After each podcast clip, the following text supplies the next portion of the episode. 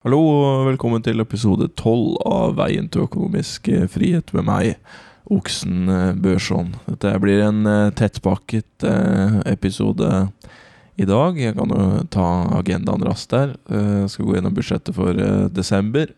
Snakke litt raskt om gaver og ja, noen korte tips der, for å kunne gå rett over og, og på gjennomgangen av 2021. Og da skal jeg se både på total og gjennomsnitt av utgifter og sparing for uh, året som er gått.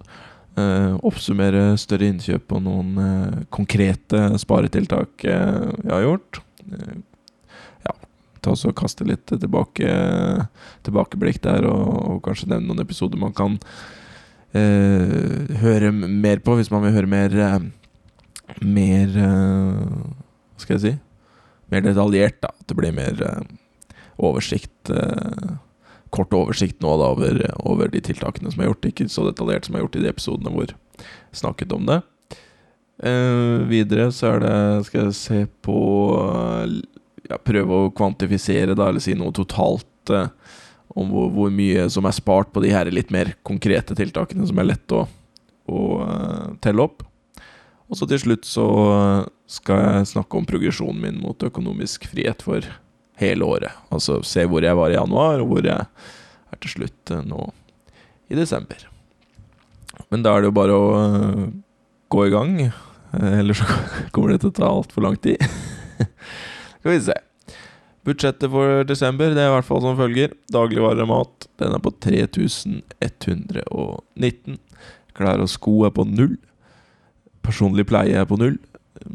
Lek, mediebruk og fritid på 1125. Eh, reisekostnader er på 78. Eh, møbler er på null. Variable utgifter er på 1130.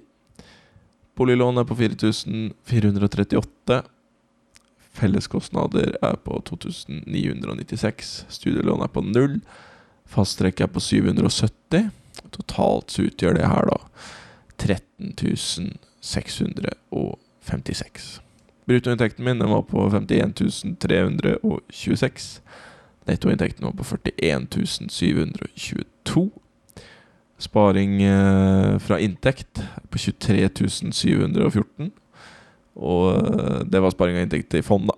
Og sparing av inntekt total ved å ta med avdrag på boliglån også, er på 26 425. Så det utgjør da en sparerate den måneden på 63,34 og så har jeg fått investert 33 588 i eh, fond totalt. Jeg tar med alle, alle aspekter. Det er vel hovedsakelig nå eh, egentlig det som er investert fra inntekt, og det jeg utsetter av eh, studielån, og det jeg får i studiestøtte, da, siden jeg driver og studerer eh, ennå.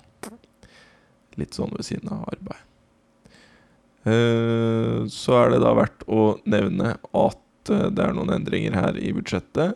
Det er jo, eh, som sikkert gjelder for flere som har boliglån, så er det jo skjedd en økning i boliglånsrenta nå, så det har jo ført til at det jeg betaler i måneden på boliglånet mitt, har gått fra 4295 til 4438. Så det er jo da også ført inn i denne oversikten min over som regner ut den månedlige totalen jeg tar utgangspunkt i når jeg får lønning og, og, eh, og det, det, jeg skal ha igjen på konto, da, holdt på å si, av den lønninga. Så har jeg også hatt en eh, økning i felleskostnadene. Det kan ha noe med den renteøkningen. Det tror jeg ikke. Jeg tror heller det har noe med at det er noe oppussing i det her borettslaget jeg bor i. Så, så de kostnadene begynner å komme nå. Så det har gått fra 2810 til 2996. Men det har jo visst om en stund at kommer til å skje økninger der, da. Så det har ført til at den månedlige totalen den har gått opp til 17670. Så det er den uh, nye månedlige totalen. Så uh, utover det så er det vel ikke så veldig mye spennende i dette budsjettet her. Skal vi snakke kort om det har vært desember, for mange gjelder jo det da feirer jo eh, veldig mange av oss eh, jul her i landet, eh, inkludert meg selv. Skal vi bare snakke kort om det her med kjøp av gaver og, og sånn type ting. Jeg selv er jo kanskje ikke sånn veldig opptatt av, av gaver. Kjøper gaver til noen, og så har jeg andre Andre jeg kjenner som hvor vi ikke kjøper gaver til hverandre. Det er sikkert litt sånn for, for andre også. er er kanskje litt mer opptatt av den feiringdelen og syns det er det mest hyggelige. Men det jeg har jo noen jeg kjøper gave til, og noen jeg får gaver av. Eh, og som vært å lure på hva jeg ønsker meg. Og i disse tilfellene her så har jeg vel helt sånn korte, kort og enkelt tips. Og det går jo om å føre lister gjennom året. Jeg har i hvert fall et notat på telefonen som jeg, som jeg har stående hele tiden. og der hvis jeg kommer på en gave som hadde vært fin å kjøpe til, til noen av de jeg pleier å kjøpe gave til, så, så noterer jeg det der.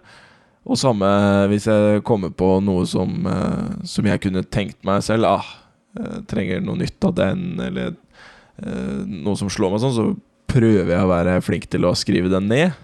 At det, ja, det hender jo ofte at det ikke nødvendigvis er, er noe som er um, må du kjøpe akkurat der og da. Du må kjøpe akkurat der og da, men så jeg tenker ja, det hadde vært kjekt å ha det. Noterer jeg det ned der. Og når uh, ja, rundt eh, november kommer, da, og det begynner å kanskje renne inn meldinger fra, fra noen av de her som, som, lurer på hva jeg skulle ønske meg til, til jul.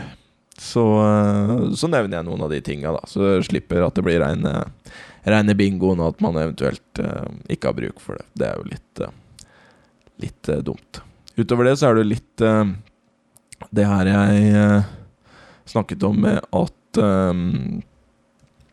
Altså det å kanskje ha Forsøke å ha åpen, eh, en åpen dialog da, med de man har rundt seg av, av mennesker, og, og om man eh, om det er sånn at man ønsker å kjøpe gaver til hverandre til jul, eller om man eh, heller eh, kanskje ønsker å prioritere opplevelser eh, sammen og, og, sånn. Jeg har i hvert fall flere eh, Kanskje noen av de menneskene i mitt liv i hvert fall som er mest viktig for meg. er det ikke så ja, I hvert fall øh, for de, for de, er jo ganske like som meg der, egentlig. At kanskje det med gaver og sånn er ikke så viktig for de, men at det er At vi heller har en slags um, Vet ikke Stille avtale om at det heller er viktigere at vi uh, tar, tid, tar og har tid til hverandre og ja, kanskje heller uh, bruker de pengene vi ville brukt på en gave, da. Kanskje vi heller vil bruke det på det det koster om at hvis man bor et stykke unna, reise til hverandre og, og sette en helg, eller hva det nå måtte være, da, istedenfor å kjøpe den gaven. Men her er, dette her er veldig individuelt, så det kan hende noen av dere veldig, får veldig mye glede ut av å gi gaver til andre og, og få gaver selv, så da må man jo styre det på en annen måte. Men det er nå bare mine, mine two cents. Ok, men eh, da kjørte vi desember ganske raskt der, for det Jeg regner jo med, sikkert ut fra den eh, tittelen jeg kommer til å velge på episoden her, at de aller fleste er mer eh, Mer interessert i uh, hvordan det har gått dette året her, da, og få høre en opp oppsummering av det. Så jeg tenkte å starte med målene mine på begynnelsen av året. Og da eh, hadde jeg gjort noen anslag her. Jeg gjorde et anslag på at jeg kom til å tjene 487 000 eh, brutto. Eh, og så trodde jeg også at jeg kom til å spare 194 eh, 961 fra inntekten min eh, totalt. Så det utgjorde da i så fall en sparerate på 53,12 og eh, jeg trodde at jeg kom til å klare å investere 289 079 i fond. Og der, av det så utgjorde Så utgjorde uh, 34 065 uh, penger som skulle inn på fond fra bufferkonto. At jeg ville ta ned bufferkontoen min litt. At jeg syntes den var litt stor på begynnelsen av året. Og så er det dette jeg har snakket om flere ganger, eh, at jeg flyttet noen penger Eh, inn fra BSU, da. Eh, inn på bolig Altså, Dette her er diskutert flere ganger i tidligere episoder, men at jeg på en måte har overført penger fra BSU inn på fond. enkelt forklart. Hvis man er interessert i å høre mer detaljert om det, så kan man gå tilbake til noen episoder tidligere i året. Og så har jeg også utsatt betaling av studielånet mitt, så det utgjorde da 13 761. Så dette til sammen med sparing fra inntekten min som skulle på fond, skulle da utgjøre 289 89 079. Så ble jo rett og slett eh, resultatet for eh, hva som ble investert i fond, da. Det er jo det tallet jeg er mest interessert i, egentlig, for det er jo det som på en måte er min eh, uh, vei til økonomisk frihet, så er det jo dette her med å investere i, i fond, da, at det skal vokse langsiktig. Så det er jo det tallet jeg er mest interessert i. Så det endte jo faktisk med å gå hele 154 500 over. At dere til slutt klarte å investere 443 562 i løpet av 2021. Så det var jo en uh, gledelig uh, beskjed å komme med, at det gikk så langt uh, over. Så tenker sikkert noen av dere Oi, hvordan i svarte det kan ha gått så langt over? Hva er det som har skjedd der? Så det tenkte jeg skulle ta også forklare litt kort, da. det er hovedsakelig tre faktorer da som, som kommer inn her. Det ene det er at jeg på Som jeg har snakket om i podkasten tidligere, at på etter ja, Hva skal jeg si På høsthalvåret så jeg så studerte. Da kunne jeg søke om studielån i uh, Eller studiestøtte i Lånekassa. det gjorde jeg, og så investerte jeg det. Det utgjorde sånn ca. 57 000. Så det er en del som gjorde at det gikk over. Eh, en ganske stor del, egentlig. Og så eh, Kanskje den aller en av de aller viktigste delene Det er at jeg trodde at jeg kom til å tjene 487 000 i løpet av året. Men så endte det faktisk med at jeg tjente 599 000 i løpet av i år istedenfor. Det er jo todelt. Det ene er jo at jeg har fått uh, mulighet til å jobbe mer enn uh, en, uh, jeg kanskje trodde på begynnelsen av året, da jeg anslo at jeg kom til å tjene 487 000, så det er jo flott. Jeg prioriterer jo å ta litt ekstra arbeid her og der når jeg får muligheten, og det har det vært en god del muligheter i løpet av, av året. Og så øh, var det også noe annet som jeg snakket om øh, tidligere i noen tidligere episoder. Det var at jeg fikk tilbakebetalt noe lønn også. Det var noe feil i feil med noe lønning, så jeg fikk vel tilbakebetalt ca. 30 000 også. Så det gjør jo at eh, det ble ganske mye mer inntekt enn jeg hadde sett for meg i utgangspunktet. Så det var faktum nummer to, at jeg tjente mye mer enn det jeg hadde tenkt. Og så til slutt så snakket jeg om uh, tidligere på året også, det er at jeg fikk noen penger med noe forskudd på arv, har jeg valgt å kalle det. da Og det utgjør da 20 000 kroner. Um, så alle disse faktorene til sammen førte til at da gikk 154 500 over, og at jeg til slutt da endte på at 443 562 kroner blei investert i 2021. Det er jo uh, forholdsvis uh, Eller veldig fornøyd med, egentlig. Så nå tenkte jeg skulle gå over til å snakke litt om de totale utgiftene jeg har hatt gjennom året. Eh, og se på gjennomsnittet av de også, eh, sammen med, med, med, eh, sparingen også, da. Nå har jeg jo sagt litt totalen på sparingen, men jeg skal egentlig bare gå gjennom tallene her ganske, ganske fort. Og så skal jeg se litt på noe av det sammenligna med, med budsjettet, budsjettet jeg har satt opp også. Ok. Så totalt på mat, dagligvarer og mat dette året Brukte 49 023. Eh, på klær og sko 1819. På personlig pleie 1490. Lek og mediebruk endte på 36 076. Reisekostnader endte på 11 640. Variable utgifter den endte på eh, 4514. Eller tuller jeg nå? Det gjør jeg faktisk. Det var møbler som endte på 4514. Beklager. Variable utgifter, den endte på 10.414. Boliglån 51 683. Studielån 1251. Felleskostnader til borettslaget 33 052. Dette er det faste trekket som jeg snakket om tidligere. Uh, ja, utgjør noen streamingtjenester, strøm, forsikring og sånn type ting. 8960. Totalt så utgjør da dette 209.922. Bruttoinntekten for i år var på 599.280. Nettoinntekten min var på 447.127. Sparing fra inntekt som gikk til fond, den endte på 236.737. Og sparing fra inntekt totalt, den endte på 270.470. Og som sagt endte investert i fond på 443.562.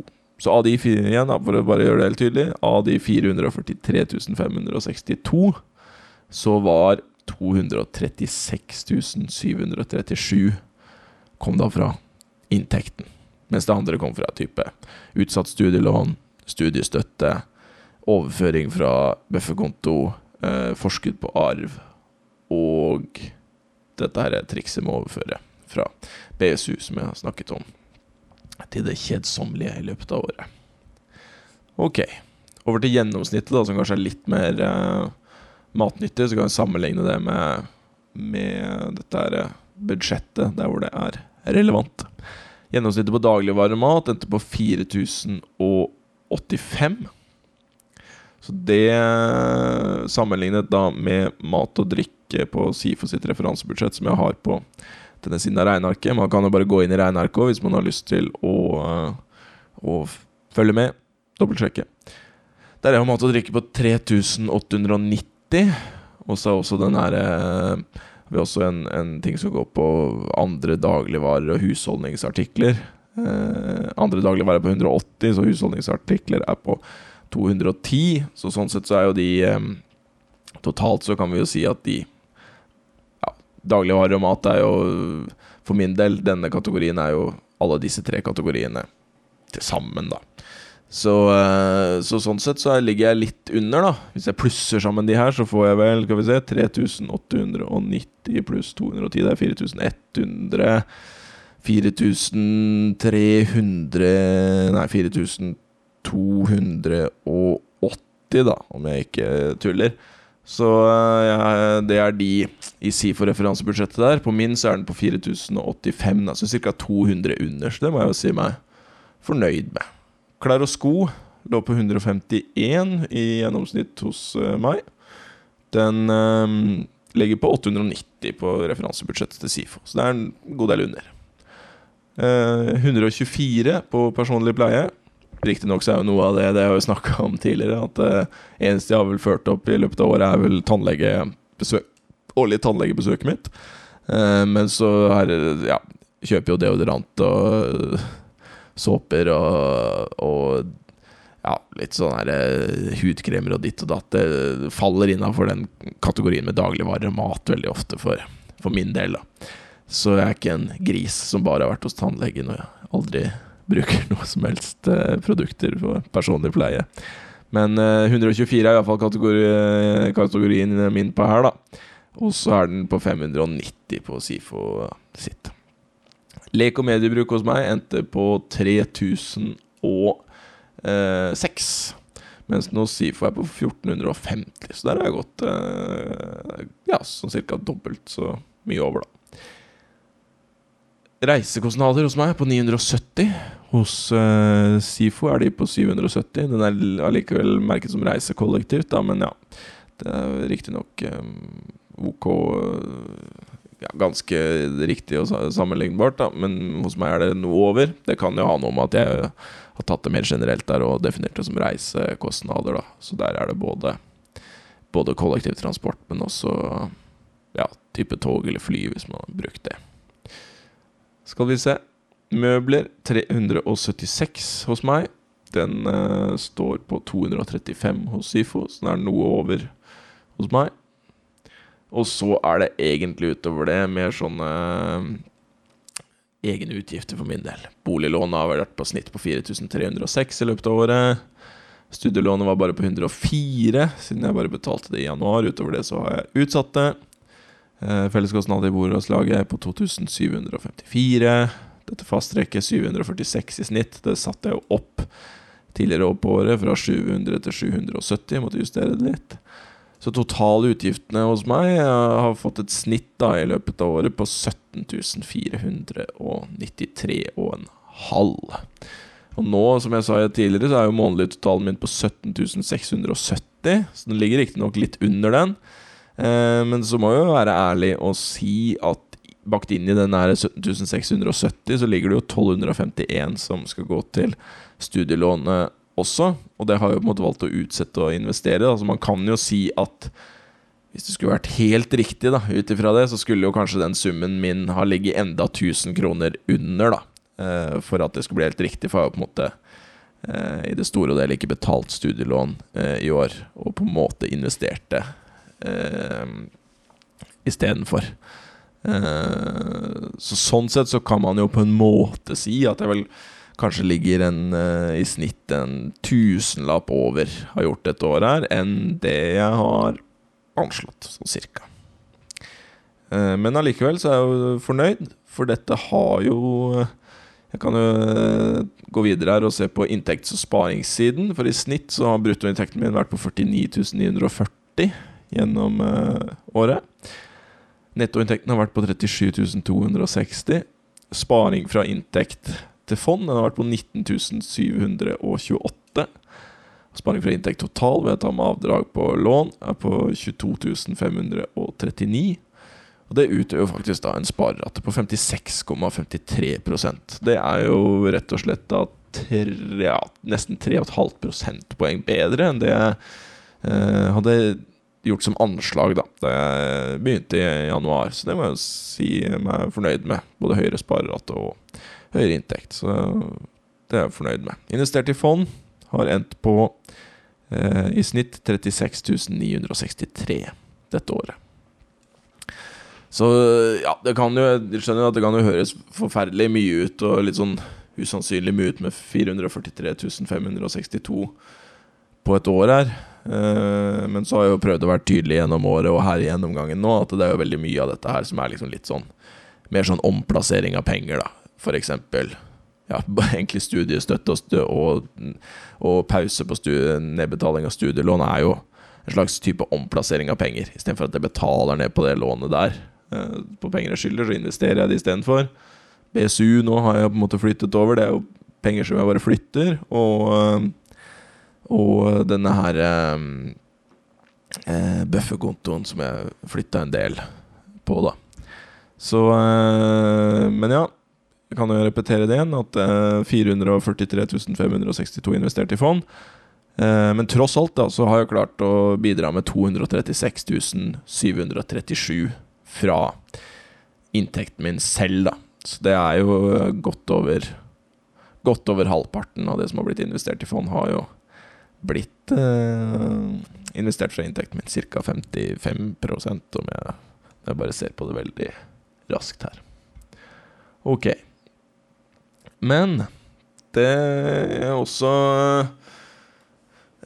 Nå sa jeg jo det at jeg har jo på en måte gått ja, ca. 1000 over uh, Over i måneden. Uh, ish, ut ifra det jeg har planlagt. Men det har jo gått helt greit, egentlig. Og det, og det, handler jo egentlig mest om at jeg har gjort noen prioriteringer med å gjøre noen større innkjøp i løpet av året. Og det har jeg vært tydelig på i, i podkasten også. Uh, det er blant annet uh, PlayStation 5 har jeg meg, kjøpt meg. Det kosta jo 3000. Kjøpte jeg sammen med samboeren min. Kjøpte også ny PC sammen med henne. Uh, det kosta 10500. Musikkutstyr har jeg kjøpt. Det kosta 6003. Podkastutstyr har jeg kjøpt. Det kosta 1800. Treningsutstyr det kosta 6100.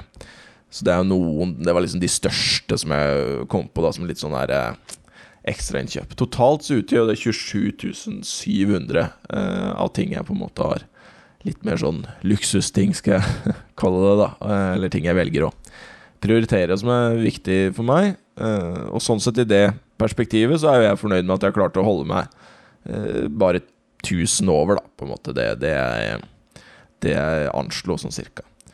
Eh, men ut ifra at jeg har brukt 27 700 på litt sånn større innkjøp, så, så jeg vil jeg jo si da det å gå bare liksom så vidt 1000 over det jeg hadde anslått, og da har jeg klart å holde meg ganske innafor det her eh, månedlige eh, totalsnittet mitt, da. Eh, og da hadde jeg liksom lyst til å gå inn på litt sånn konkret hvordan eh, jeg har gjort det. Og vil igjen snakke om det her med prioriteringer. Jeg kan referere tilbake til episode åtte om minimalisme og, og maksimalisme. Og, og, litt som jeg kanskje snakka om i, i Hva, hvorfor og hvordan-episoden, altså episode null også, helt til, til, å begynne med, at jeg er jo ikke uh, opptatt av å gjøre det her og denne prosessen her for å spare meg til fant, på en måte. Altså Hvis jeg skulle gjort det, så hadde jeg jo driti i å kjøpe alle disse tingene her og brukt 27 700 på det i løpet av året. Det, det hadde jo bare blitt bortkasta. Men jeg velger jo å prioritere det. Jeg velger jo å maksimere på disse områdene, fordi at det er eh, viktig for meg. Men da gjør jeg det jeg har gjort andre, på andre deler av, eller andre, i andre deler av livet mitt, det er jo å gjøre eh, endringer der. Altså jeg gjør endringer i prioriteringer. Og, og, og, prøver å være mer bevisst da, på, på uh, både hva jeg ønsker å maksimalisere, og hva jeg ønsker å minimalisere. Uh, og og da Nå har jeg jo på en måte gitt dere inntrykk av hva jeg har valgt å maksimalisere i år med disse større innkjøpene jeg har gjort. Og så har jeg tenkt å også se litt på um, Litt videre her etterpå, på hvilke tiltak jeg har minimalisert, da, for å, for å gi uh, Ja, hva er det som på en måte har fått, fått det her til å uh, gå opp, da, på en måte. Da går jeg mest inn på de mer konkrete tiltakene. Jeg har jo gjort andre ting også som er litt vanskeligere å kvantifisere og, og si med tall. Eh, men jeg tenker det var mest interessant for, for dere der hjemme å se på de litt mer sånn håndfaste tingene. Men før jeg skal inn på det konkrete, så vil jeg bare snakke litt om om, um, om litt sånn generelle tips, da, før jeg går inn på ja, Prøve å gå gjennom året litt sånn kronologisk og se på på konkrete tips og se hvor, øh, Eller konkrete ting som, som har ført til til eh, sparte årlige kostnader. Kommer til å regne det ut de her konkrete tiltakene i hva det har spart meg i løpet av et helt år. Da. Ikke nødvendigvis konkret akkurat dette året, for det blir litt sånn kronglete da, med å se okay, hvilken måned var det å regne ut fra sånn. Så bare for å gjøre det helt lett, så skal jeg se hvor mye disse tiltakene har spart meg i løpet av et helt år. da, For å, for å gjøre det litt lett for meg selv og dere der hjemme. Men først noen generelle tips som jeg tenker har, har vært veldig viktig, særlig for det at uh, for å, Som har ført til at dette her At jeg gikk ja, 150 og 1000 over på det jeg egentlig hadde tenkt jeg kom til å klare å investere. Og da er jo et av de viktigste tipsene som jeg har snakket om tidligere, det er jo nemlig å ha et anslag på månedlige utgifter. Og på de her faste utgiftene som ikke kommer helt sånn månedlig, Eh, om det er kommunale avgifter, f.eks., eller, eh, eller strømmen, sånn som mange erfarer nå, at den varierer eh, vanvittig. ikke sant? Eh, klart, denne strømkrisen vi har nå, er jo nå litt utenom det vanlige, da. Men til vanlig så er det jo variasjon gjennom et år med, med strøm, da, f.eks. Poenget er at sånne, uansett med sånne eh, faste utgifter som ikke kommer månedlig, så er det prøv, prøv å ta et snitt av det, da. For å, for å eh, inkludere det inn i månedlige utgifter, da Og ha et Egentlig det å komme frem til et tall som man har eh, Som Hvis jeg har så mye penger denne måneden her, da går økonomien rundt. Og det jeg har valgt å gjøre der, er å fokusere på det helhetlige. Ok, nå ser jeg at jeg bruker mye mer på lek og mediebruk og fritid. Har gjort dette året her. Men den månedlige totalen er sånn cirka Klart den jeg gikk nå litt over, men jeg er komfortabel med hvor den ligger. Og da er det ikke så farlig at jeg har brukt mye mer der, for da er det noen andre steder jeg har brukt mye eh, mindre. Og så bruke dette her tallet for de månedlige utgiftene man har. Minusere det jeg gjør hver eneste måned når eh, lønnen kommer. Så minuserer jeg dette tallet med lønnsinntekten jeg har. Og som litt som man snakker om ofte med privatøkonomien, at da betaler jeg meg selv først. Det er det første jeg gjør, og da jeg sparer eller investerer eh, resten. Altså det som er til overs.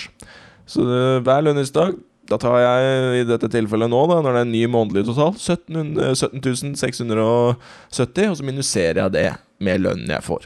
Resten da, det setter jeg rett inn på sparing og får betalt meg sjøl først, da. Og det er kanskje det viktigste tipset som har gjort at jeg har klart å, å gå såpass over det målet jeg i utgangspunktet satte. Eh, nemlig fordi at hvis jeg ikke hadde hatt en sånn fast sum, da kunne fort hende at ja, nå, nå fikk jeg eh, 20 000 i litt sånn forskudd på arv. Ja, da, det er jo morsomt å bruke på et eller annet. Men jeg vet jo at nei, men jeg har jo nok penger til, eh, til å klare meg denne måneden her. Jeg kan investere det med en gang. Det, det er veldig enkelt for meg å forholde meg til. Å, jeg, jeg skal begynne å studere og kan søke studiestøtte. Oi, da kommer det plutselig masse ekstra penger inn. Å, det kan jeg bruke på et eller annet. Nei, jeg vet at jeg har det jeg trenger å ha. Betaler, da betaler jeg meg en bonus, da, på en måte, og, setter det inn på, på sparing. Så dere, dere skjønner, skjønner, tegninga. Så det, det, var noe jeg hadde lyst til å si som kanskje det aller viktigste tipset altså for, for, for min egen del. Det å ja, betale seg selv først der, og ha en sånn månedlig total eh, og, og, regne seg ut med det. Det gikk jeg veldig detaljert uh, gjennom i første episoden uh, i år. Kommer jeg sikkert også til å gå mer inn på for målene for neste år i, i, i, neste episode, da, hvor jeg skal snakke om januar og målene for 2022. Da kommer jeg sikkert til å, til å snakke en del om dette igjen. Kanskje ikke like detaljert som første gangen, men, men noe kommer jeg til å gå gjennom. Ok, da skal jeg se på noen av disse konkret, mer konkrete tiltakene jeg gjorde i løpet av året, og, og prøve å regne litt på uh, prøvde å regne litt på hva de har utgjort. da. I januar så snakka jeg om det her med at jeg måtte skjerpe meg med takeaway og restaurantbesøk. Og i, i februar så gikk jo eh, Gikk jo det veldig ned. Da hadde jeg så å si ikke noe takeaway eller restaurantbesøk hele februar. Da lagde jeg så å si all maten hjemme. Så må jeg være ærlig og si at uh, jeg gjennom året ikke har ikke har eh, spist like lite ute eller like lite takeaway som, som jeg gjorde i februar, hvor jeg på en måte prøvde å ta det helt ned. Eh, men, men jeg har fått det generelt ned til et mer sånn nivå som jeg er komfortabelt med, sammenligna med, med, januar, hvor det var veldig høyt. Det er jo den desidert høyeste måneden, den lå på 6176. De andre månedene ligger et sted mellom 3500 og, et halvt og, og 4500 CR på det aller meste. Og egentlig sånn helt sånn ja, rundt på, på snittet, da, nesten med 4000 er liksom rundt der det ligger. For det meste. Så jeg, så jeg syns det er mer komfortabelt og akseptabelt av det nivået. Da kommer jeg ned på for min egen del. Kan sikkert bli bedre også, men det ser jeg nå på. Men det som hovedsakelig har vært mest, gått mest av der, er jo at særlig restaurantbesøk har blitt mye sjeldnere, da. Det er noe av og til at jeg har noe billig takeaway hvis det har vært en lang eh, dag på jobb og, og, og sånn. Eh, men det For meg da så ser det ut som at de her restaurantbesøkene jeg har hatt, det er liksom det som har virkelig utgjort uh, forskjellen, da. Det som er litt kjekt, er at jeg kan Det her med matbudsjett og hvor mye jeg har brukt på det i måneden, er noe jeg har litt mer data på lenger tilbake. Så jeg tenkte å sammenligne Eh, jeg har jo eh, data fra hele 2020, så det var jo før jeg begynte med podkasten, eh, og 2021. På, på 2021 så har jeg jo helt konkret for min egen del, men for både 2020 og 2021 så har jeg for hele husholdningen, da. Så det gir jo et slags bilde av sånn cirka hvor mye jeg har spart individuelt. Så for hele husholdningen i 2020 så lå de månedlige utgiftene på mat på 8677. Det var i 2020, altså. Mens i 2021 så fikk vi det ned med ca. en tusenlapp, da, med de eh, tiltakene vi har gjort, til 7687. Så vi deler på matkostnadene ca. 50-50. Så da anslår jeg at jeg øh, har spart øh, ca. 500 i, i, måneden der, da, og til slutt, eller til sammen i løpet av et år, så utgjør jo det rundt 6000 faktisk. I februar så uh, eh, snakka jeg om uh, det her Da satte jeg meg et mål om å endre det her med mobilabonnement. At jeg, at jeg ikke brukte mobilen så mye og hadde lyst til å endre det. Da endra jeg til en ny leverandør. Gikk fra et abonnement jeg hadde på 149 til 79. Uh, så ble jeg flytta over til en annen leverandør pga. noe greier, og da gikk det opp til 99. Så med utgangspunkt i det så kan jeg si at i årlige kostnader så utgjør jo den, eh, det sparetiltaket 600. Igjen, her snakker jeg årlige kostnader uh, istedenfor å si at uh, fra den og den måneden så har jeg spart så og så mye år. Jeg snakker altså, For det er jo mer sånn helhetlige ting. Dette her er jo sparetiltak som, som uh, varer over lengre tid. Så uh, Så da ja, er det relevant å snakke om årlige kostnader, da, tenker jeg. Dette, nå kommer det et punkt som er verdt å nevne, men det er litt vanskelig for meg å anslå sånn konkret besparelse. Men jeg har nå prøvd å, å uh, gjøre så godt jeg kan. Og det går jo på strøm. I mars så snakka jeg uh, litt om det her med, med, med strøm. Og uh, jeg prøvde å regne, og gjorde jo en del tiltak. Jeg tok jo blant annet og endra Endra Det er jo to snakk om to måter der. Man kan ta også, også endre um, endre på, eh, på strømregningen sin, altså hvor mye kostnader man har på strøm, og det er jo strømavtalen man har. Den endrer jeg sånn at jeg fikk en bedre strømavtale. Hvis man er interessert i hvordan man kan gå frem for å gjøre det, så kan man gå tilbake om det er enten mars eller april-episoden. Jeg mener det er i mars-episoden. Uh, det var det ene jeg gjorde. Og så snakker jeg også om hva slags tiltak jeg gjorde for å uh, få strømforbruket mitt til å gå ned. Og når jeg sammenligner strømforbruket mitt, uh, for jeg har hatt samme leverandør en stund, Uh, så når jeg sammenligner strømforbruket mitt fra etter jeg gjorde de endringene, da, uh, og månedene fremover Nå er det ikke et så stort datagrunnlag, men det utgjør nå ganske mange måneder, da, snart et år. Så ser jeg faktisk at eh, den prosentmessige nedgangen da, mellom de her periodene, når jeg ser på fra, fra et år tilbake, da, og, og, og til jeg gjorde de her endringene, så er det faktisk en 18 15 nedgang i, i, de månedene etter jeg gjorde endring da, i mars i strømforbruket mitt. Så det utgjør jo ganske mye. Så det tilsvarer jo egentlig sånn helt konkret, da, til tross for at vi har fått helt sinnssyke priser som sikkert alle forholder seg til på et eller annet nivå der ute nå, så har uh, denne nedgangen i forbruk, uh, sikkert litt sammen med strømstøtte også, Uh, gjort at fakturaene våre da, på strømmen ikke ser sånn veldig annerledes ut enn det de gjorde i fjor vinter. Det sier jo egentlig kanskje litt om, om strømforbruket, og at vi har fått en ganske god nedgang i forbruket Nei, strømprisene, mener jeg. Men at selv om vi har en, ganske stor nedgang i strømforbruket vårt, så er fakturaene ganske like, da. Så det sier jo litt om prisnivået.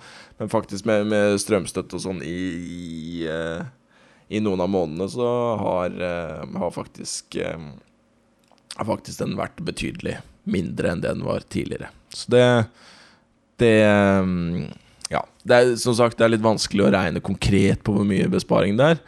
Men en, en, konkret ting er jo at jeg ikke ennå måtte øke dette faste trekket mitt, da, hvor strøm uh, hvor strømkostnadene våre ligger. Jeg har ikke måttet øke det noe ytterligere etter at jeg gjorde disse uh, tiltakene. Et, uh, til tross for at det har vært veldig økninger, økninger i strømpris, så har jeg ikke måttet øke dette noe, noe mer.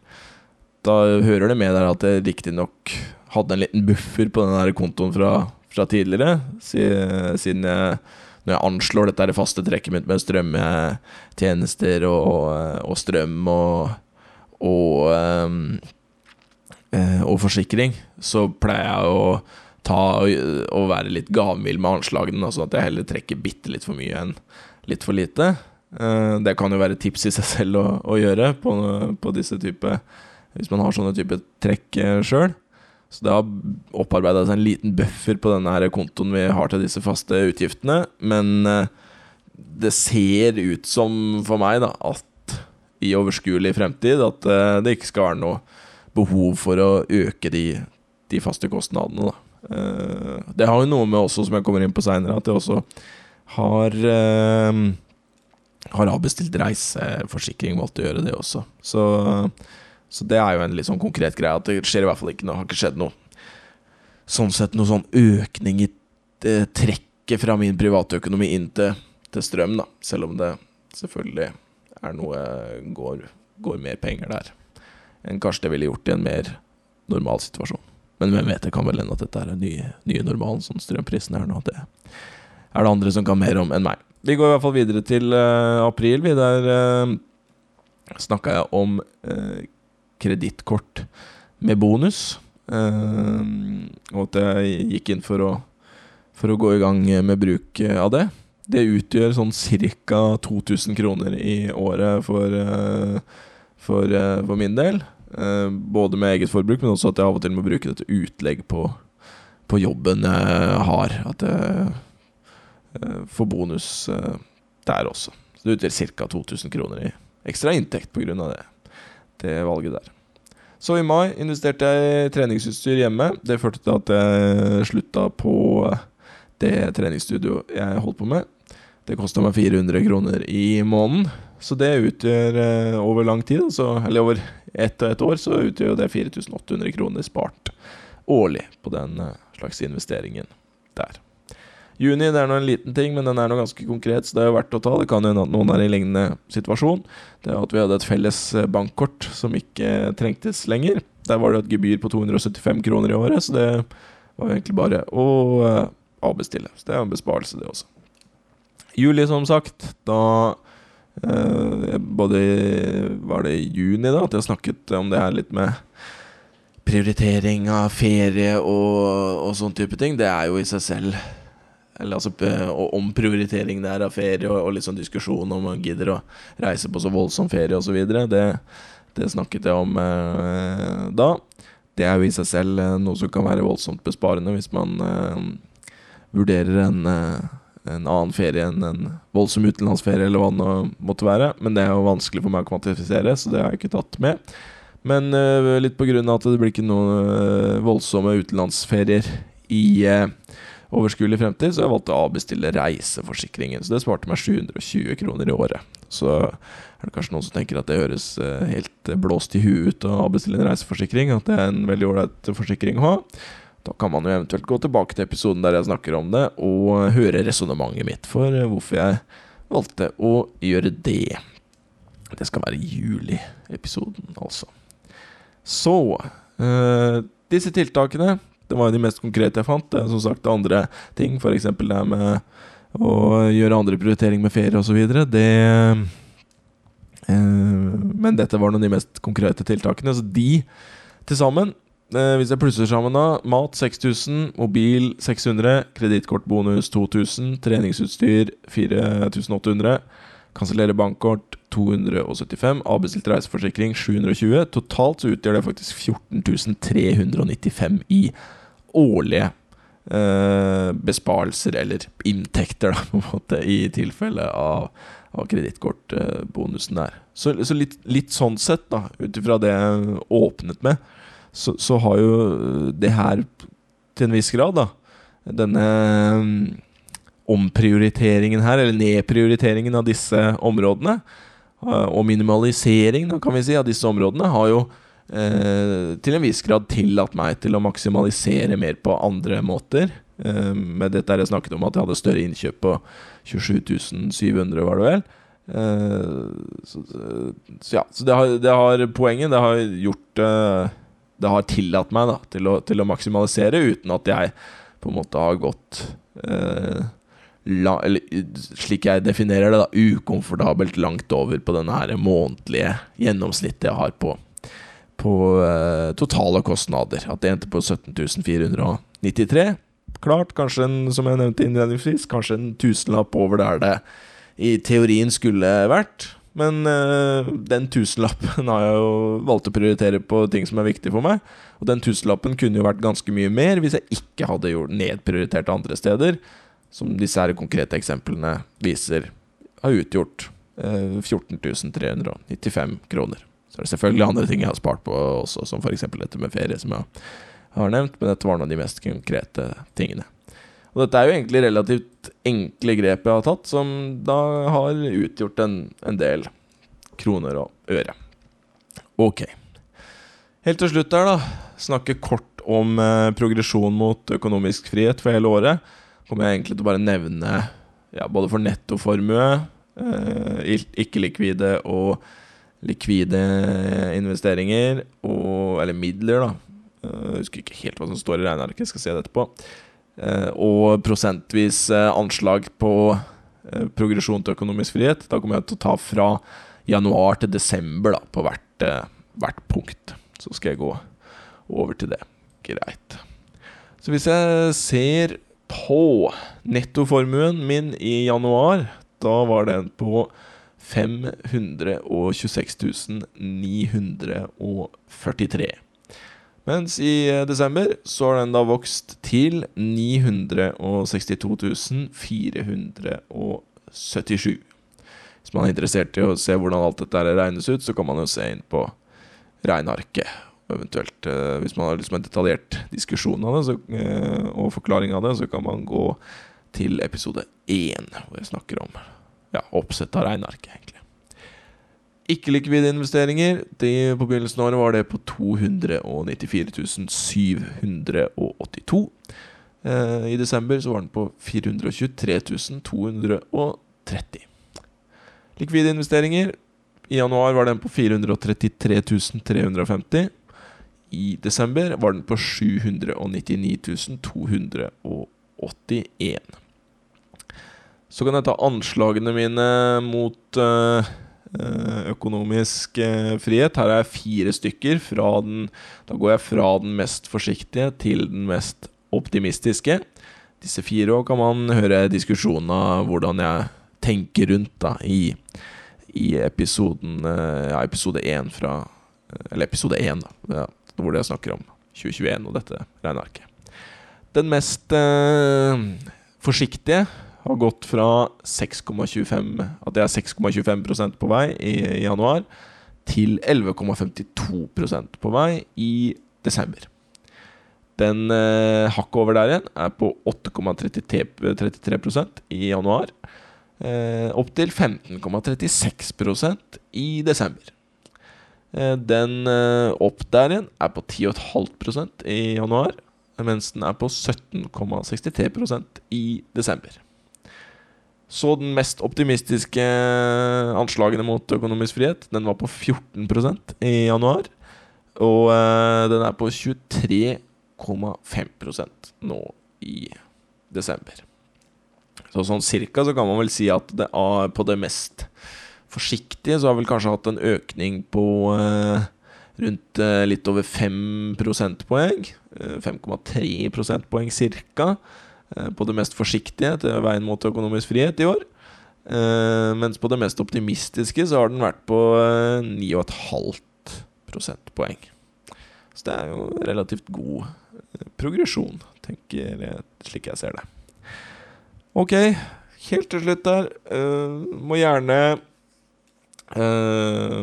bruke vervekoden min. Få 200 kroner hos, uh, når man begynner å investere hos Kron. Den er på tre uh, små bokstaver her, da. 3HWYF. Da man, uh, bruker man den når man begynner med Kron. Så det er jo en investeringsplattform jeg velger å bruke, og som jeg har snakket veldig varmt om i episode 10, om jeg ikke tar feil. Så hvis man har lyst til å høre mine tanker om den der, så kan man gjøre det. Må jo merke, nevne at det på en måte er en slags reklame. Det her er jo riktignok en helt sivil vervekode. Det er ikke noe jeg har blitt kontaktet av Koron for, eller noen ting, som jeg har gjentatt flere ganger. Dette er noe man kan bruke selv òg, hvis man uh, bruker kron. Uh, men, uh, men, ja, da får jeg 200 kroner, og du får 200 kroner om du begynner med, med kron. De har det billigste globale indeksfondet i hele Norge, så det er jo blant annet en ting som jeg tok opp i denne episoden. Så kan man høre episode ti på nytt hvis man har, har, lyst til å høre hva mer jeg mener om de. Hvis man ønsker å gi ris og ros og tilbakemelding, kan man sende det til oksensvei at gmail.com. Eh, I episodebeskrivelsen så legger jeg også en link til eh, regnearket, sånn at man kan gå inn og, og se på det hvis man er interessert i å se på tallene, eller å bruke regnearket som inspirasjon for eh, egne regneark, hvis man er interessert i det. Til slutt, gjerne anbefal podkasten til andre du tenker kunne vært interessert.